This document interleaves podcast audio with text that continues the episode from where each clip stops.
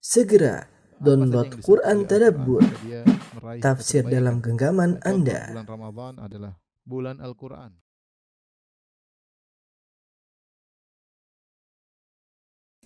Bismillahirrahmanirrahim. Assalamualaikum warahmatullahi wabarakatuh. Alhamdulillahi ala ihsanih wa syukru lahu ala taufiqihi wa amtinanih. Asyhadu an la ilaha illallah wahdahu la syarika lahu ta'ziman li sya'nih wa asyhadu anna Muhammadan abduhu wa rasuluhu da ila ridwanih. Allahumma salli alaihi wa ala alihi wa ashabihi wa ikhwanih. Uh, ikhwan dan akhwat para jamaah Masjid Asra Suntar Jakarta Utara yang dirahmati oleh Allah Subhanahu wa taala.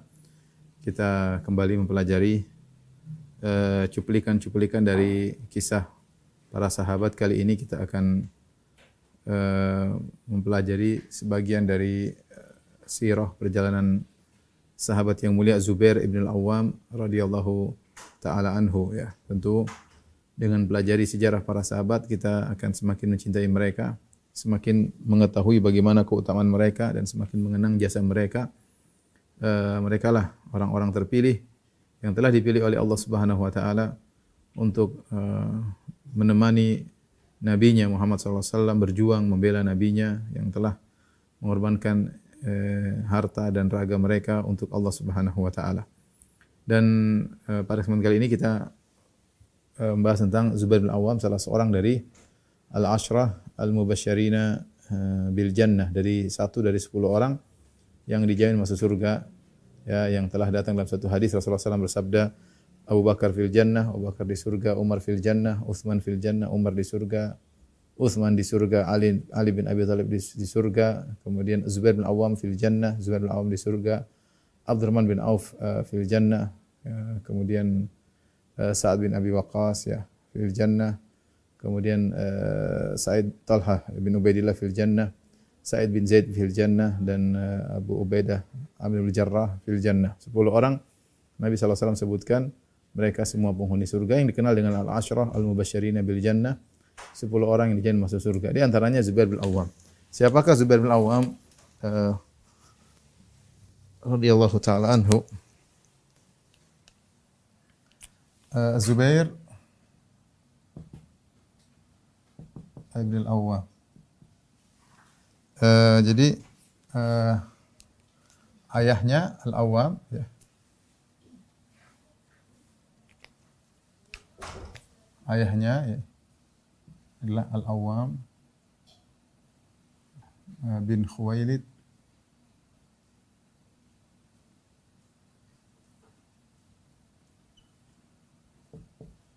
Uh, bin Asad.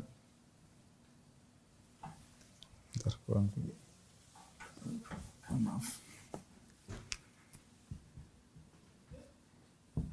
Zubair ya uh, ayahnya adalah Al-Awwam bin Khuwailid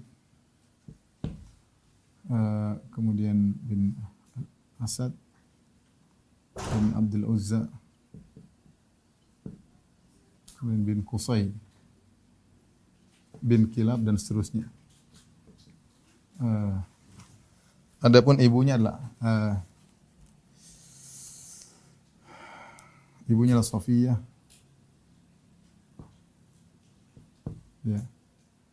bin Abdul Muttalib kakek Nabi ya bin Abdul Muttalib bin uh, bin Hashim bin Abdi Manaf bin Hashim bin Abdi Manaf bin Qusay kita tahu Nabi wasallam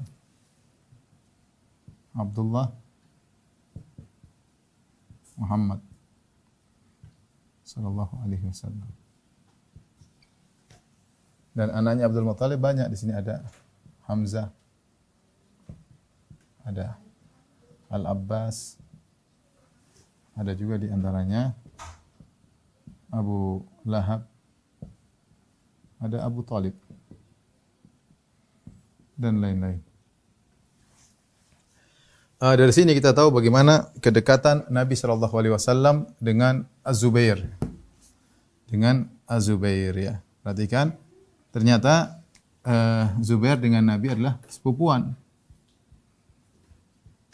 Karena Sofia adalah amat Nabi SAW. Perhatikan. Sofia adalah, eh, bukan amat. Sofia adalah, eh, ya benar, amat Nabi Shallallahu Alaihi Wasallam. Karena saudara dari bapaknya Abdullah. ya. Kemudian dari sini kita tahu eh, Zubair, dia Al-Asadi. Ya. Al Zubair Al-Asadi. Karena kembali ke sini, Al-Asad. Dan juga Quraisy ya. Dia adalah uh, Quraisy dan ketemu dengan kakek Nabi SAW pada Qusay bin Kilab ya. Qusay bin Kilab.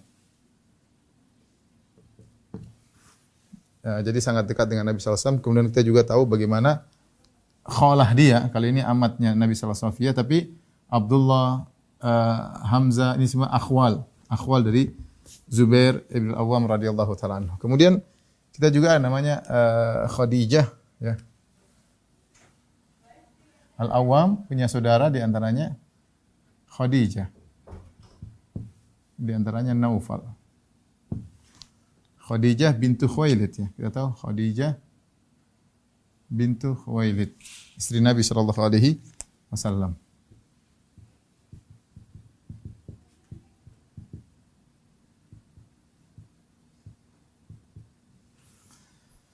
Uh, kemudian uh, Zubair bin Awam uh, menikah dengan uh, siapa? Zubair menikah dengan di antaranya istrinya adalah Asma bintu Abi Bakar ya. Zubair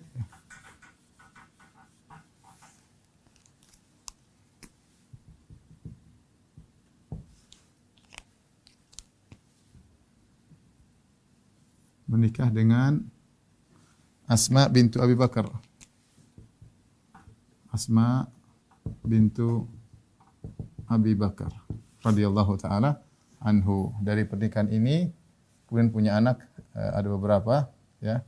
Di antaranya Abdullah bin Zubair ya. Di antara yang terkenal adalah Abdullah bin Zubair. Di antaranya Urwah bin Zubair. Dan dia punya istri selain Asma juga uh, banyak. Jadi uh, ini kalau kita kedekatan bagaimana Zubair bin Awam dekat dengan Nabi sallallahu alaihi wasallam, punya kerabat juga dengan Khadijah, punya kekerabatan juga dengan Abu Bakar radhiyallahu taala anhu karena dia menikah dengan putrinya Abu Bakar Asma uh, bintu Abu Bakar. Oleh karenanya anak-anaknya ini semua adalah ponakannya Aisyah ya. Ini semua ponakannya Aisyah. Karena Aisyah adalah putri Abu Bakar. Aisyah bintu Abi Bakar. Binti Abi Bakar. Makanya sering kita mendapat hadis diriwayatkan oleh Abdullah ibnu Zubair dari Aisyah dan juga diriwayatkan Urwah bin Zubair dari Aisyah radhiyallahu taala anha karena mereka inilah ponakan-ponakannya uh, Aisyah radhiyallahu taala anha. Ini kira-kira gambaran tentang uh, Zubair bin Awam. Zubair bin Awam. Zubair bin Awam ya ketika beliau lahir ya uh, tidak lama kemudian ayahnya meninggal, Al-Awwam meninggal sehingga beliau dipelihara oleh Sofia radhiyallahu taala anha. Uh, amat Nabi sallallahu alaihi wasallam, Nabi wasallam. Dan disebutkan dalam sebagian literatur ya bahwa Sofia sangat keras mendidik Zubair.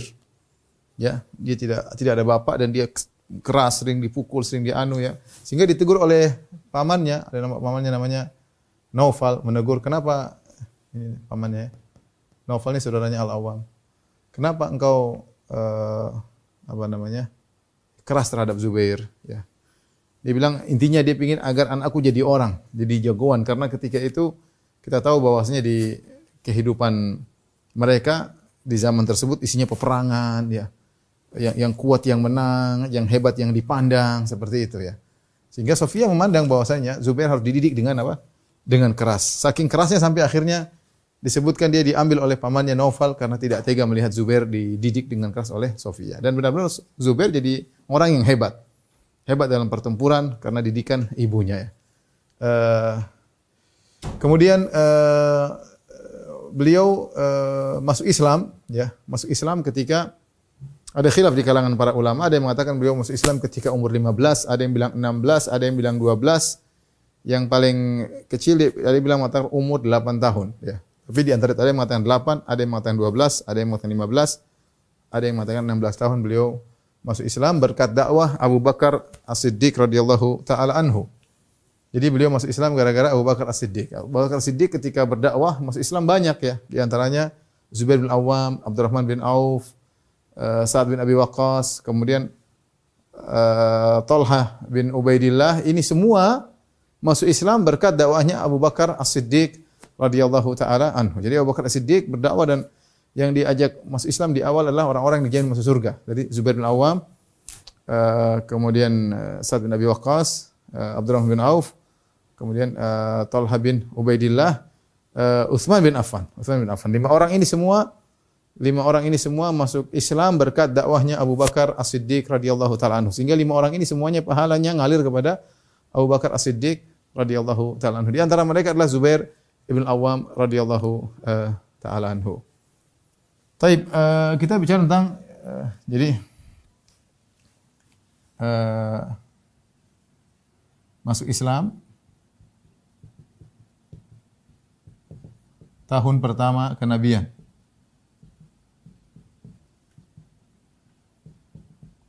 pada umur ada khilaf ya. Ada yang 8 atau 12 atau 15 atau 16 tahun.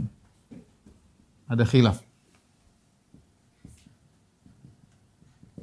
Dari sini juga uh, kemudian khilaf pada umur berapa beliau uh, berhijrah. Jadi berhijrah ke Madinah pada umur berapa dan pada umur berapa beliau wafat. Dibangun di atas khilaf ini. Jelas beliau wafat wafat pada umur eh pada tahun 36 Hijriyah pada peristiwa perang Jamal.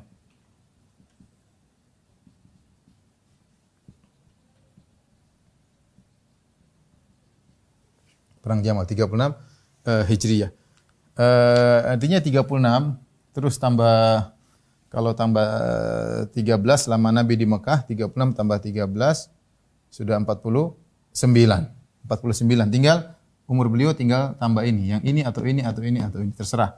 Tapi intinya beliau 13 tahun di Mekah bersama Nabi sallallahu alaihi wasallam. Uh, kemudian bersama Nabi di Madinah sampai 10 tahun sampai berlanjut sampai tanggal 36 sampai tahun 36 Hijriyah. Jadi umur beliau ketika wafat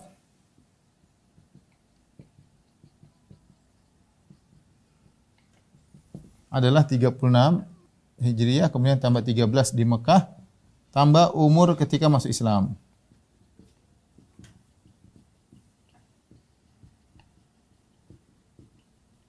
Tiga puluh enam tambah tiga belas sudah empat puluh sembilan tahun tinggal plus ini berapa yang tadi ada khilaf di kalangan para ulama. Kalau ternyata dia masuk Islam pada umur 12 ya berarti umurnya sudah 61.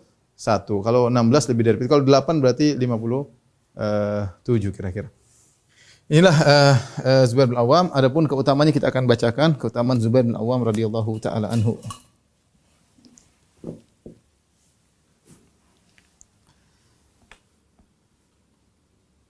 Sebelumnya uh, disebutkan sifat Zubair bin Awam, beliau adalah orang yang tinggi, ya disebutkan uh, Zahabi meriwayatkan dari Hisham bin Urwah tentang uh, dari ayahnya itu Urwah bin Zubair tentang kakeknya ya Zubair bin Awam ya. Eh, kana Zubair tawilan takhuttu rijlahu al-ardha idza rakiba ash'ar rubbama akhadtu bi sya'ri katifaihi ya. Uh, kata, kata beliau uh, Zubair bin Awam seorang yang tinggi sampai kalau dia naik tunggangan terkadang kakinya sampai di, di tanah mungkin entah.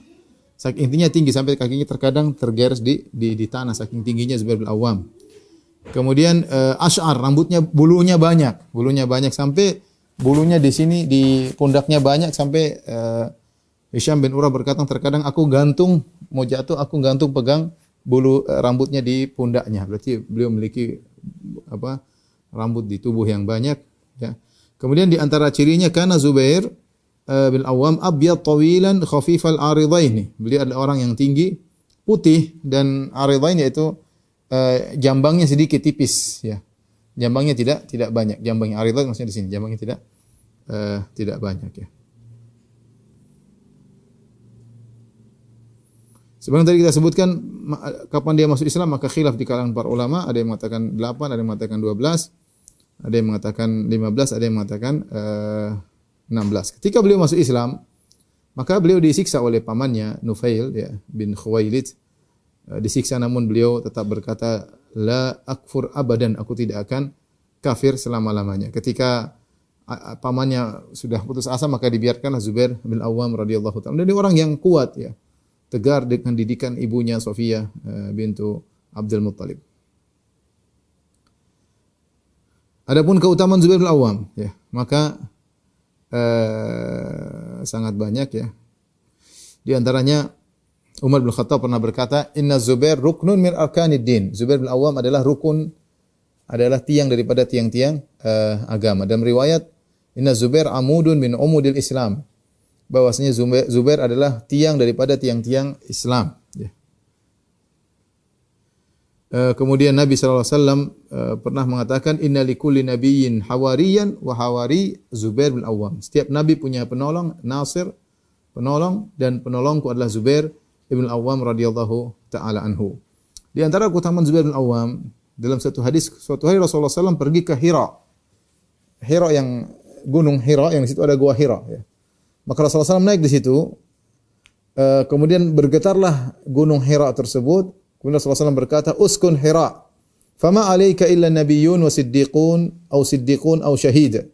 Diamlah, tenanglah engkau wahai Hira. Tidak ada di atasmu kecuali nabi, atau siddiq, atau syahid. Cuma tiga model manusia yang ada di atasmu. Kenapa kau bergerak? Kenapa kau bergerak? Diamlah engkau, tenanglah engkau. Ada nabi, cuma nabi, atau siddiq, atau syahid. Ternyata di atas di atas gunung Hira tersebut ada nabi waktu itu bersama Abu Bakar, bersama Umar, bersama Uthman, bersama Talha bin Zubair, Sa'id bin Abdul Abi Waqqas, Sa'id bin Abi Waqqas. Mereka ini bersama Nabi ketika itu dan semua orang ini kita tahu yang Nabi adalah Nabi Muhammad SAW. Yang as-siddiq adalah Abu Bakar radhiyallahu taala anhu. Sisanya Umar, Uthman, Talha, Zubair, Sa'ad bin Waqqas ya. Eh, apa Umar, Uthman, Talha, Zubair maka eh, apa namanya mereka meninggal eh, syahid dianggap sebagai eh, syahid ya. Di antaranya Zubair bin Awam radhiyallahu taala anhu nanti akan kita jelaskan beliau meninggal dibunuh eh, dengan gadar yaitu ketika beliau sedang salat kemudian di, eh, dibunuh oleh eh, seorang ya nanti akan kita jelaskan. Kemudian di antara jadi intinya dia di, di, di, dipuji oleh Nabi SAW dan dikatakan sebagai syahid, yaitu orang yang mati syahid. Kemudian di antaranya Rasulullah SAW bersabda, khairun nasi qarni, thumma alladhina yalunahum, thumma alladhina yalunahum. Sebaik-baik generasi adalah generasiku, kemudian setelahnya dan setelahnya. Generasi Nabi adalah para para sahabat ya. Uh, kemudian Rasulullah SAW pernah bersabda, la yadkhulun nara insyaallah ahadun min ashabi syajara alladhina baya'u tahtaha. Tidak akan masuk neraka uh, seorang pun dari orang-orang yang membaiat di bawah pohon Ridwan. Yaitu ketika peristiwa Hudaybiyah, ada sekitar 1400 orang atau 1500 orang atau 1300 sahabat yang bersama Nabi SAW kemudian mereka membaiat Nabi di bawah sebuah pohon menyatakan siap membela Nabi sampai titik darah penghabisan. Di antara orang tersebutlah Zubair bin Awam yang Rasulullah ketika itu memuji la yadkhulun nar insyaallah ahadun tidak seorang pun masuk neraka insyaallah dari 1400 orang ini. Di antara mereka adalah Zubair bin Awam radhiyallahu uh, taala anhu. Kemudian yang jelas lagi tadi Nabi SAW mengatakan Zubair bin Awam fil jannah. Zubair bin Awam di uh, di surga. Tapi beliau masuk Islam di tahun pertama berkat dakwah Abu Bakar As-Siddiq radhiyallahu taala anhu. Kemudian beliau menjalani bagaimana beratnya dakwah Nabi SAW sampai ketika dibuka hijrah ke negeri Habasyah.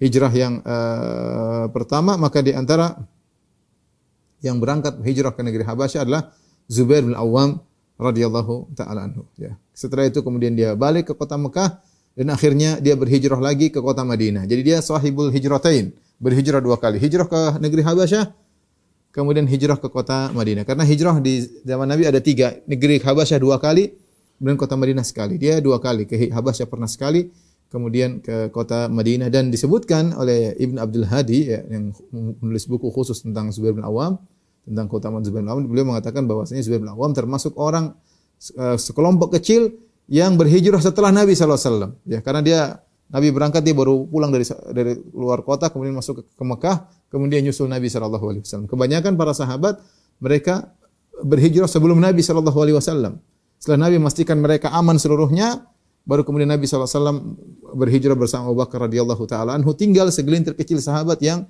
uh, hijrah belakangan setelah Nabi di antaranya Zubair ibn al-Awwam uh, radhiyallahu taala anhu. Kemudian uh, Zubair bin Awam dipersaudarakan oleh Nabi sallallahu alaihi wasallam di antaranya uh, dipersaudarakan dengan Abdullah bin Mas'ud, kemudian juga pernah dipersaudarakan dengan Salam bin Salamah bin Waqsh dan ketika uh, uh, Zubair bin Awam masih di uh, Mekah, beliau dipersaudarakan dengan uh, Talha. Dipersaudarakan dengan Talha bin Ubaidillah. Dan subhanallah kata uh, Ibn Abdul Hadi, penulis buku tentang Zubair bin Awam, dia mengatakan ketika uh, Nabi menggandengkan dua orang dua orang, maka mereka memiliki uh, nasib yang mirip-mirip. Contohnya Abu Bakar radhiyallahu anhu sering digandengkan dengan Umar, ya, sering disebutkan Abu Bakar dan Umar, dan Umar, ya, sehingga ternyata keduanya sama-sama menjadi khalifah dan kemudian kedua-duanya putrinya dinikahi oleh Nabi sallallahu alaihi wasallam. Nabi sallallahu alaihi wasallam menikahi putri Abu Bakar yaitu Aisyah dan Nabi menikahi putrinya Umar yaitu Hafsah. Kemudian Utsman dan Ali sering digandengkan.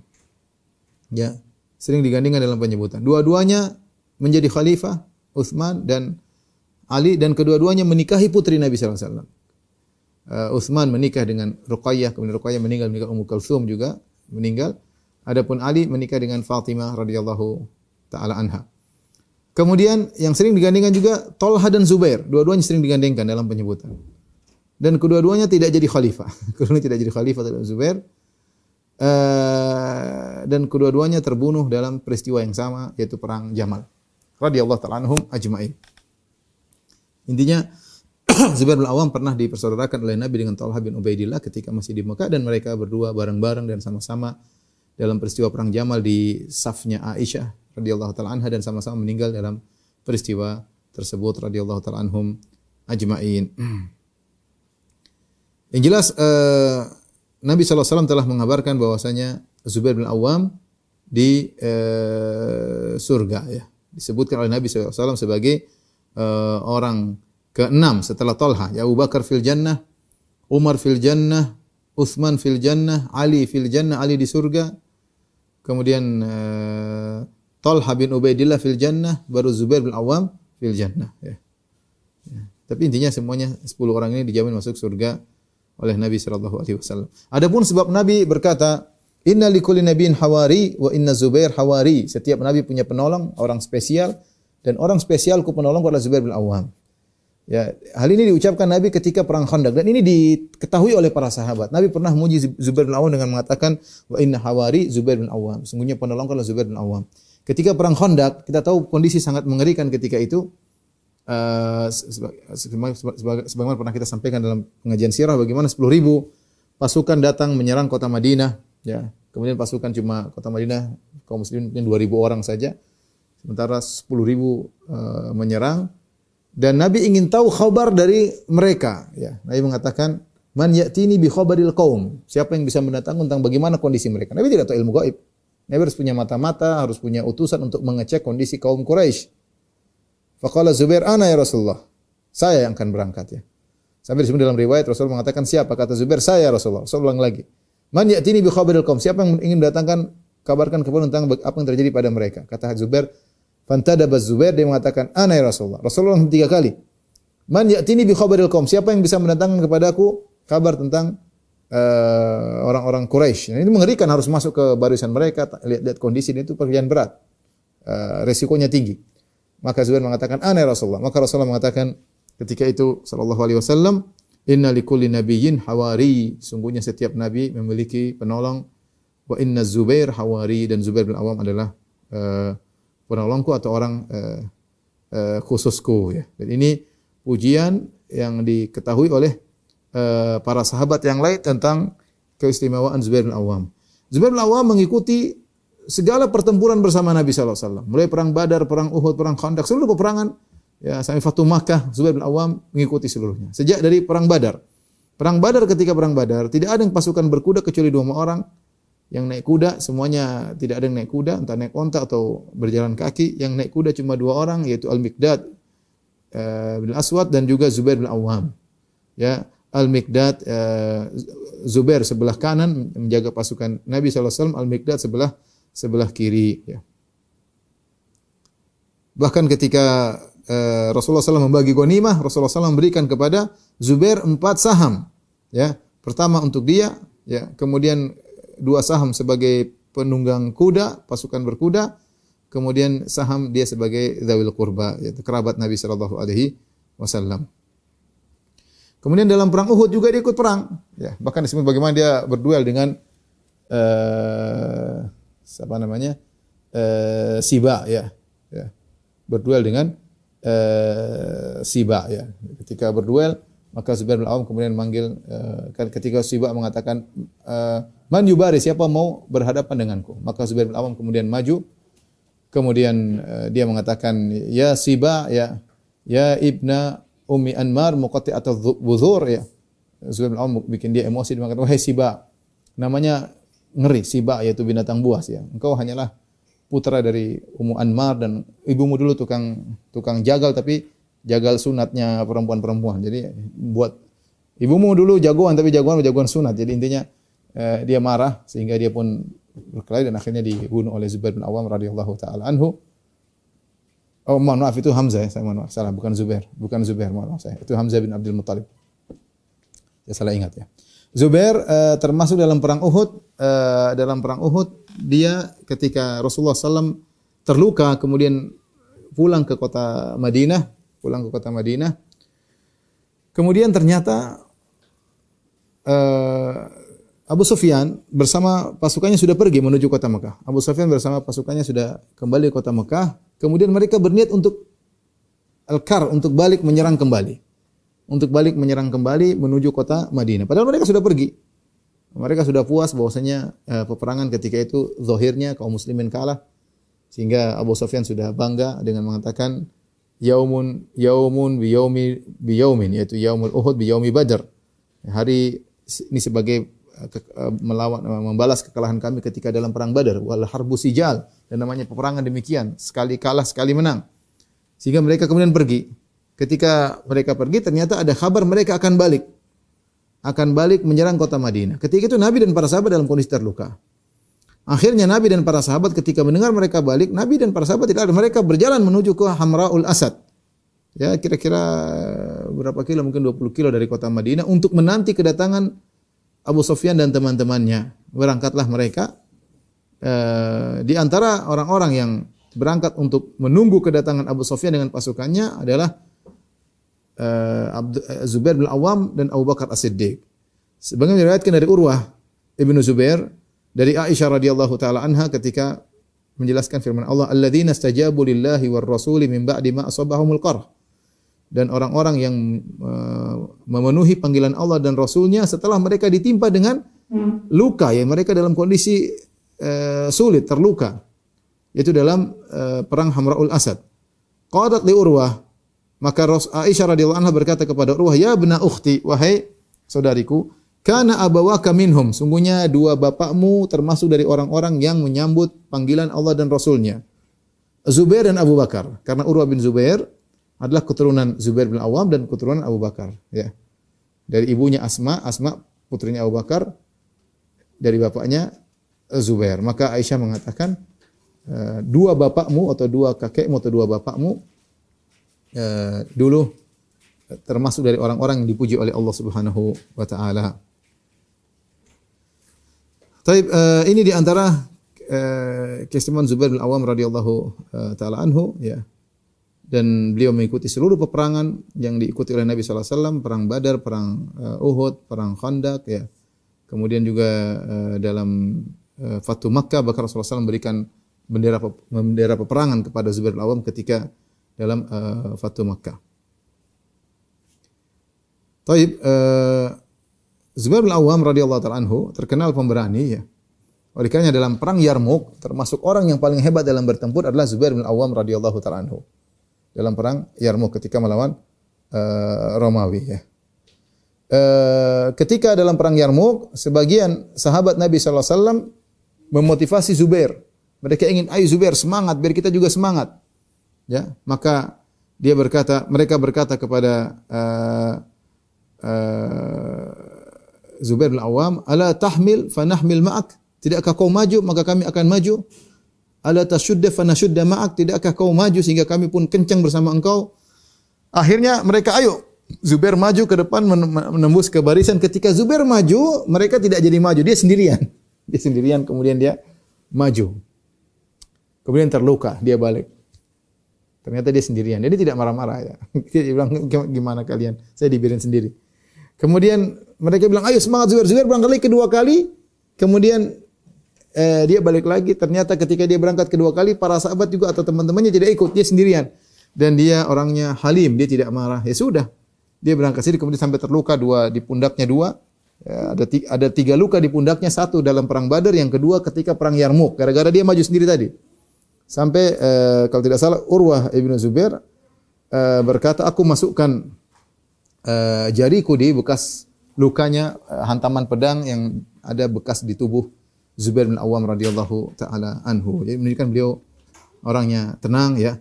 Eh, tidak apa namanya uh, tidak marah-marah kepada pada sahabat-sahabatnya tersebut. Adapun kalau bicara tentang zuhud maka beliau sangat sangat zuhud uh, dan beliau sangat tawadhu ya. Uh, kemudian uh, di antaranya beliau adalah orang yang uh, suka menyembunyikan ibadahnya. Beliau tidak pernah cerita tentang ibadahnya kecuali yang masyhur dari beliau adalah sedekah beliau ya. Karena beliau terkenal rajin sedekah sangat suka bersedekah sehingga nampak pasti ketahuan. Adapun ibadah yang lain dia tidak pernah cerita, tidak pernah cerita salat malamnya, tidak pernah cerita jihadnya, orangnya tidak pernah cerita tentang ibadahnya sendiri. Tapi orang kenal dia siapa Zubair bin Awam, ya. Dia tidak pernah menggembor-gemborkan uh, ibadah yang dia uh, uh, lakukan. Taib, uh, kita sebutkan setelah ini tentang uh,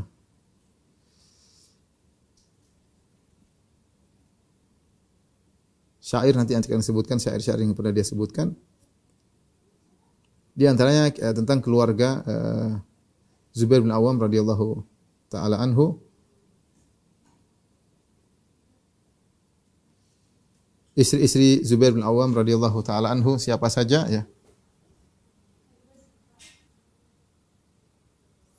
Zubair bin Awam radhiyallahu taala anhu menikah dengan uh, beberapa wanita ya. Yang pertama yang pernah kita bahas secara khusus adalah Asma binti Abi Bakar radhiyallahu taala anhu.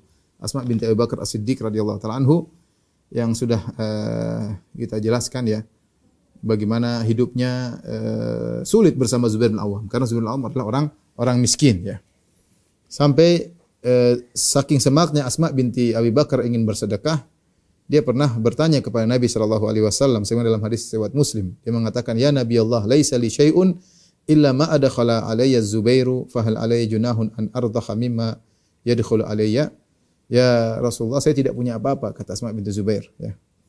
Kecuali uang yang diberikan oleh Zubair ya, suamiku kepada Asma binti Abu Bakar mengatakan aku tidak punya apa ya Rasulullah. Kecuali uang yang diberikan oleh Zubair. Apakah boleh aku bersedekah dari uang yang diberikan oleh Az-Zubair? Maka Rasulullah berkata irdhahi mastata'ti wala tu'i fayu'illahu alayki. Ya sedekah yang sem yang semampumu dan jangan kau tahan-tahan, maka Allah akan tahan uh, hartamu ya. Dalam riwayat yang lain tasaddaqi wala tu'i fayu'a alayki. Sedekahlah engkau wahai Asma binti uh, Abi Bakar, uh, maka jangan kau tahan-tahan maka Allah akan uh, menahan uh, hartamu. Uh, makanya uh, kalau tidak salah Urwah berkata, aku tidak pernah bertemu dengan dua orang yang sangat hebat dalam bersedekah seperti Asma binti Abu Bakar dan Aisyah radhiyallahu taala anha. Tapi dua caranya berbeda. Kalau Aisyah dia ngumpulin.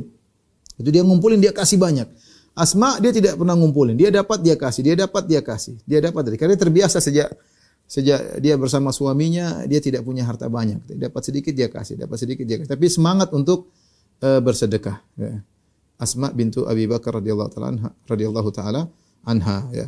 Dan juga kita sudah pernah cerita bagaimana Asma binti Abi Bakar kemudian pergi ke jalan jauh, kemudian mengurusi kudanya Zubair yang kemudian dijadikan dalil oleh para ulama bahwasanya uh, hukumnya bahwasanya istri hendaknya berkhidmat kepada uh, suaminya. Ada khilaf di kalangan para ulama. Ada yang mengatakan kembali kepada urf ya ada yang mengatakan tidak hukum asal bahwasanya eh, istri berkhidmat kepada suaminya sebagaimana Asma binti Abu Bakar berkhidmat kepada Zubair ibn Awam radhiyallahu taala anhuma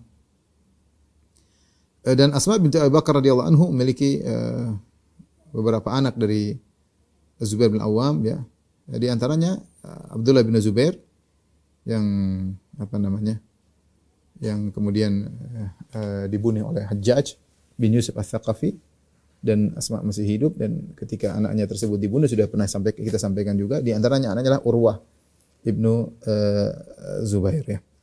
Kemudian di antara istri dari Zubair bin Awam adalah uh, Ummu Khalid bintu Khalid bin Sa'id bin Al-As bin Umayyah Al-Umayyah ya.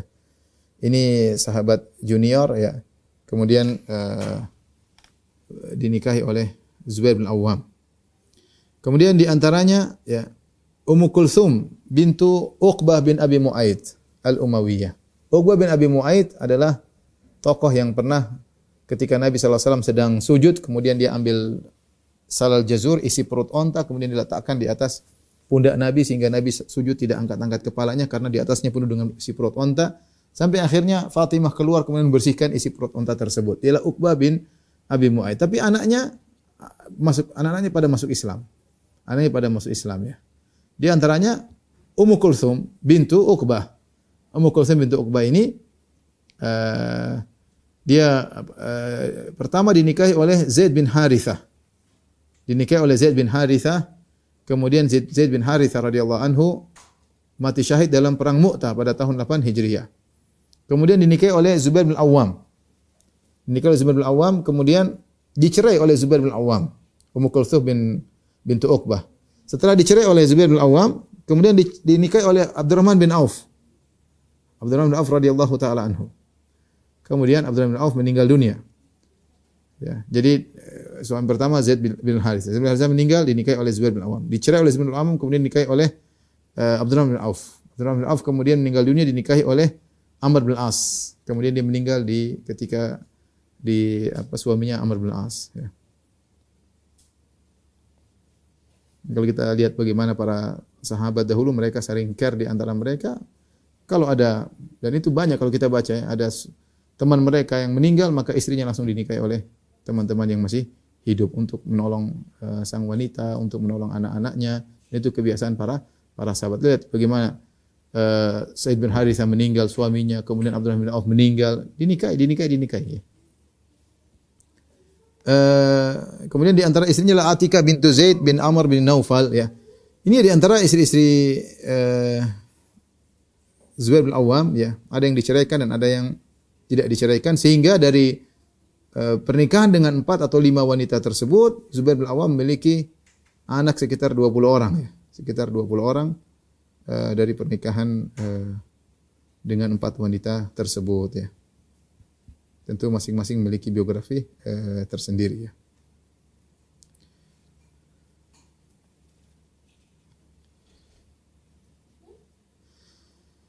Taib uh, ikhwan dan akhwat yang rahmati Allah Subhanahu wa taala, ya.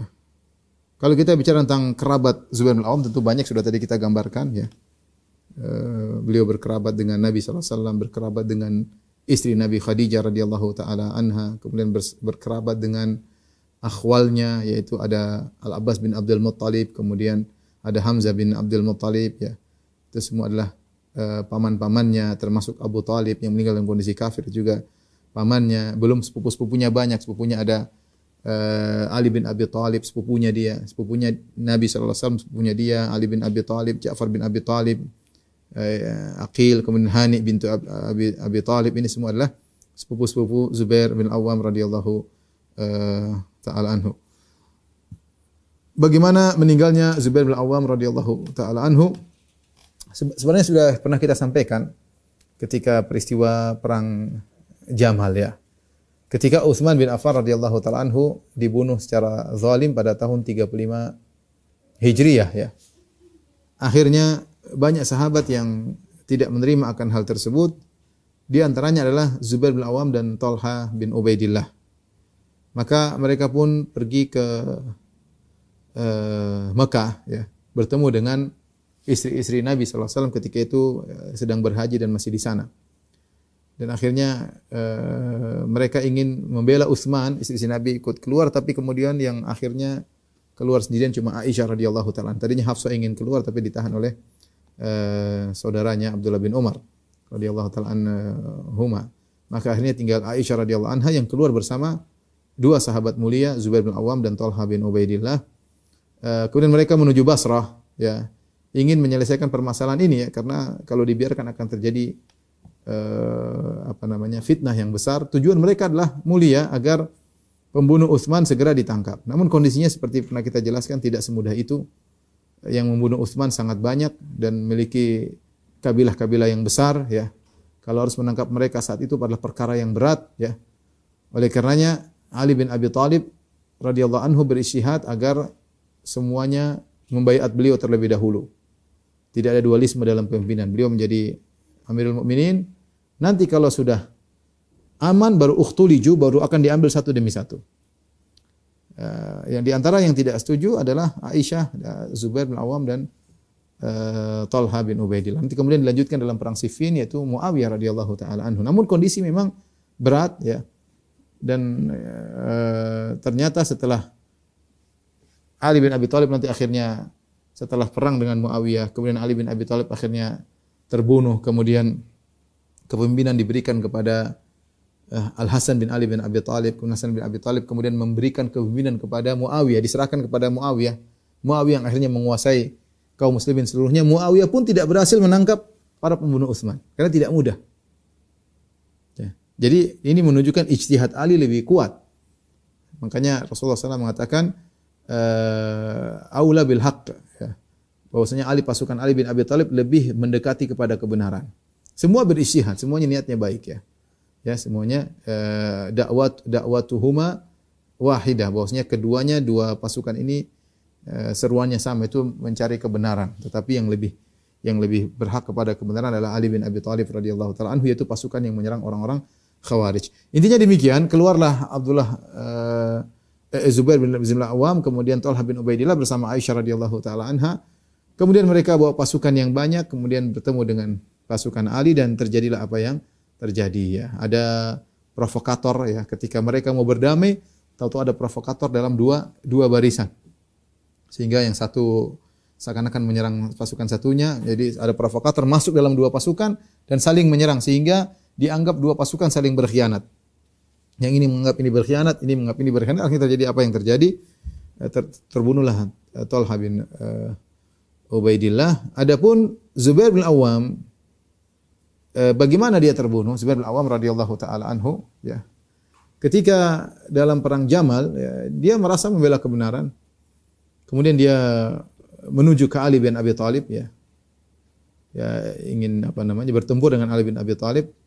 Maka disebut dalam riwayat Ali bin Abi Thalib ingatkan dia tentang suatu hadis. Ya. Kata Ali bin Abi Thalib, "Anshuduka Allah ya Zubair. Ata'rifu yawma marra Nabi sallallahu alaihi wasallam bi wa bika?" Aku mengingatkan engkau dengan nama Allah wahai Zubair. Ingatkah engkau tatkala Nabi sallallahu alaihi wasallam melewatiku dan melewati engkau? Kita sedang berdua. Wa nahnu natanaja, kita sedang ngobrol-ngobrol ketika itu berduaan. Fadaraba ala mankibika, kemudian Nabi menepuk pundakmu dan Nabi berkata, "Ama wallahi la tuqatilannahu wa anta lahu zalim." Kemudian Nabi berkata, "Wahai Zubair, kau akan memerangi Ali dan engkau yang zalim." Kau akan memerangi Ali dan engkau yang yang zalim. Baru Zubair ingat ketika itu. Jadi Nabi pernah pukul pundak Zubair, "Wahai Zubair, kau akan memerangi Ali dan kau yang zalim wahai Zubair." Maka Zubair berkata, "Allahumma na'am." Wa in kuntu unsitu, ya. Ya, uh, benar ya. Sungguhnya aku di telah apa namanya uh, telah lupa ya. Wallahi ma qataltuka ba'da aku tidak akan memerangi engkau. Kata Ali, Allahumma syahad, ya Allah persaksikan. Maka akhirnya Zubair pergi. Tidak ingin ikut dalam peperangan. Ya. Sebagian orang ada memprovokasi Zubair, ya. kemudian dia maju dan dia mundur lagi, akhirnya dia pergi. Dia tidak mau terkena hadis Nabi Shallallahu Alaihi eh, Wasallam. Pergilah dia meninggalkan medan pertempuran. Pergilah dia meninggalkan medan pertempuran. Ya, entah dibilang pengecut, dibilang apa dia tidak peduli. Dia bilang saya tidak mau jadi orang zalim memerangi Ali bin Abi Thalib. Nabi pernah menegur saya. Ya. Kemudian dia sampai di suatu lembah namanya Wadi Siba, ya. Dia bertemu dengan seorang namanya Al-Khabbab. Ya, kemudian Zubair berkata, "Ya Khabbab, ana fi dhimmatika wa jiwarika, fa innaha biladu qaumika." Wahai Khabbab, aku minta perlindunganmu, ya, dan dalam pertanggungjawabanmu karena ini negeri-negerimu, ya. Ya, lindungilah aku, aku tidak mau perang dan aku ingin berhenti ya. Ketika umurnya masih 60 masih kuat, orang dahulu umur 60 itu masih kuat dalam peperangan. Uh, dan Zubair adalah orang yang uh, yang hebat ya. Disebutkan kalau dia berperang dia kadang mukul orang langsung terbelah dua ya Zubair bin Awam. Sampai ada yang muji dia betapa betapa betapa tajamnya pedangmu. Kata Zubair bukan pedangku tanganku. Jadi bukan masalah pedang masalah tangan ya. Dididik oleh ibunya Sofia radhiyallahu anha sehingga dia kuat dalam pertempuran kalau kalau mukul orang langsung bisa terbelah dua ya Zubair bin Awam pedangnya hebat tapi yang lebih hebat adalah tangannya yang memainkan uh, intinya dia minta izin kepada Al-Khabbab untuk minta perlindungan ya. Maka berangkatlah uh, Khabbab membawa Zubair ke seorang namanya Amr bin Jurmuz. Ini yang membunuh Zubair, Amr bin Jurmuz. Uh, dia tinggal di situ Wadi Siba, di lembah Siba. Maka Khabbab berkata, "Hadzal rajul dhaifi fa anzilhu fi baitika hatta anzura lahu manzilan." Ini tamuku, tolong kau ayomi dulu sampai aku carikan tempat tinggal buat dia. Dan Amr bin Jur uh, bin Jurmus ini nggak tahu ini siapa ini orang ini. Amin dulu tidak tahu. Kemudian Zubair pun mengikat kudanya, kemudian uh, dia pun masuk ke dalam uh, mau di mana katanya saya pingin dalam dalam rumah ya. Dia pun masuk dalam rumah ya, disiapkan tempat tidurnya. Sampai di tengah malam Zubair mengucapkan syair ya. Ini Amr bin Jurmus tidak tahu siapa ini. Dia dia termasuk uh, anak buahnya Ali bin Abi Thalib radhiyallahu taala. Ya. Kemudian di tengah malam Zubair mengucapkan syair yang maknanya mengatakan kul umuri lati tukhsha awaqibuha bil mar'i ajmalu fid dunya wa fid dini. Dia mengatakan meninggalkan perkara-perkara yang dikhawatirkan kesudahan yang buruk bagi seorang. Lebih baik dia meninggalkan perkara tersebut untuk dunianya maupun agamanya. Jadi artinya saya tidak ikut perang. Lebih baik ya. Untuk dia, dia ngomong sendiri, ya, dia apa namanya mengucapkan syair. Didengar oleh tuan rumah. Nada Aliun bi amrin lastu ajhaluhu. Qad kana amru abikal amru mudhini. Fakultu hasbuka min adli Aba Hasanin. Ba'dha alladhi kulta minhu al-yawma yakfini. Maka Ali bin Abi Talib uh, memanggilku untuk uh, berduel dan itu bukan perkara yang yang sulit bagiku ya. Sudah biasa aku berduel ya. Tapi ketika dia menyebutkan hadis tentang Nabi SAW tersebut, fakultu hasbuka min adli ya Aba Hasanin. Cukup kau enggak usah nyinyir aku wahai Ali bin Abi Talib. Apa yang kau katakan sudah cukup untukku. Fakhtar to'aran ala narin muajjajatin. Maka aku memilih untuk dihina, dikatakan pengecut, meninggalkan medan pertempuran. Daripada memilih api neraka. Anna yakumu laha khalqun minat tini. Bagaimana manusia yang tercipta dari tanah bisa bertahan disiksa dengan api tersebut. Ya. Aral yauma arji'u min ghayyi ila rusdi hari ini atau ila rasyadi, hari ini aku telah selamat meninggalkan kesesatanku kepada jalan lurusku. Ya. Wa min mughalatatil baqdha ila lini dari kebencian eh, apa kepada kelembutan. Ketika eh, Amr bin Jurmus mendengar bait-bait yang diucapkan oleh eh, Zubair bin Awam, maka dia tahu oh ini ternyata Zubair bin Awam. Ini yang berperang melawan Ali bin Abi Thalib radhiyallahu taala ya. Maka dibiarkan. Kemudian akhirnya Zubair bin Awam dia sholat eh, malam ya ketika itu maka ini orang kemudian mengambil herba tombaknya kemudian dia tikam dari belakang. Zubair bin meninggal dalam kondisi eh, sholat malam ya. Kemudian dia penggal kepala Zubair bin Awam, kemudian dia bawa kepada Ali bin Abi Thalib radhiyallahu taala anhu, dia gembira karena berhasil membunuh musuhnya Ali, dia pikir demikian. Maka kemudian dia mengutuk pintu Ali bin Abi Thalib, maka Ali bin Abi Thalib mengatakan, "Idzan lahu wa basyirhu bin nar." Izinkan dia masuk. Dikatakan, "Wahai Ali, hada qatilu ibni Sofiyah, pembunuh putranya Sofiyah. Eh, tante Nabi SAW yaitu Zubair bin Awam ada di pintu. Kata Ali bin Idzan lahu wa basyirhu bin nar. Biarkan dia masuk dan beri kabar gembira dia masuk neraka jahanam. Kemudian Ali menegur dia. Wa ilaka aqataltahu ba'da raja ilal aman. Celaka engkau kenapa bunuh dia? Dia sudah pergi. Dia tidak ikut perang, engkau bunuh dia. Ya. Wallahi law kana mahbusan mahalalaka qatluhu. qatluhu. Kalau dia pun ditahan kau tidak boleh bunuh dia ya. Apalagi kau bunuh dia dengan cara yang tidak uh, tidak benar ya. Intinya eh, kemudian dia bawakan pedangnya Zubair bin Awam ya maka summa baka Aliun tawilan maka Ali pun menangis dengan tangisan yang panjang dia bawa pedangnya Zubair. Ditunjukkan ke hadapan Ali. Ali berkata wai haka ji'tani bi sayfin talama dhabba bihi Zubair an wajhi Rasulullah sallallahu alaihi wasallam. Inna lillahi wa inna ilaihi rajiun. Celaka engkau wahai Amr. Ya kau bawa pedang ini pedang ini betapa sering membela wajah Nabi sallallahu alaihi wasallam dalam banyak peperangan. Inna lillahi wa inna ilaihi rajiun. Maka kemudian uh, uh, orang tersebut akhirnya uh, meninggal. Ada yang mengatakan dia bunuh diri dia karena apa namanya dia bingung dengan apa yang dia hadapi ya ada yang mengatakan dia dibunuh oleh Abdullah bin Zubair wallahu alam bisawab tapi intinya demikianlah uh, wafatnya Zubair bin Awam radhiyallahu uh, taala anhu dan dia salah seorang dari sahabat Nabi yang dijamin masuk uh, surga. Allah alam bisawab demikian saja uh, kajian kita kurang lebihnya saya mohon maaf. Wabillahi taufiq hidayah. Assalamualaikum warahmatullahi wabarakatuh.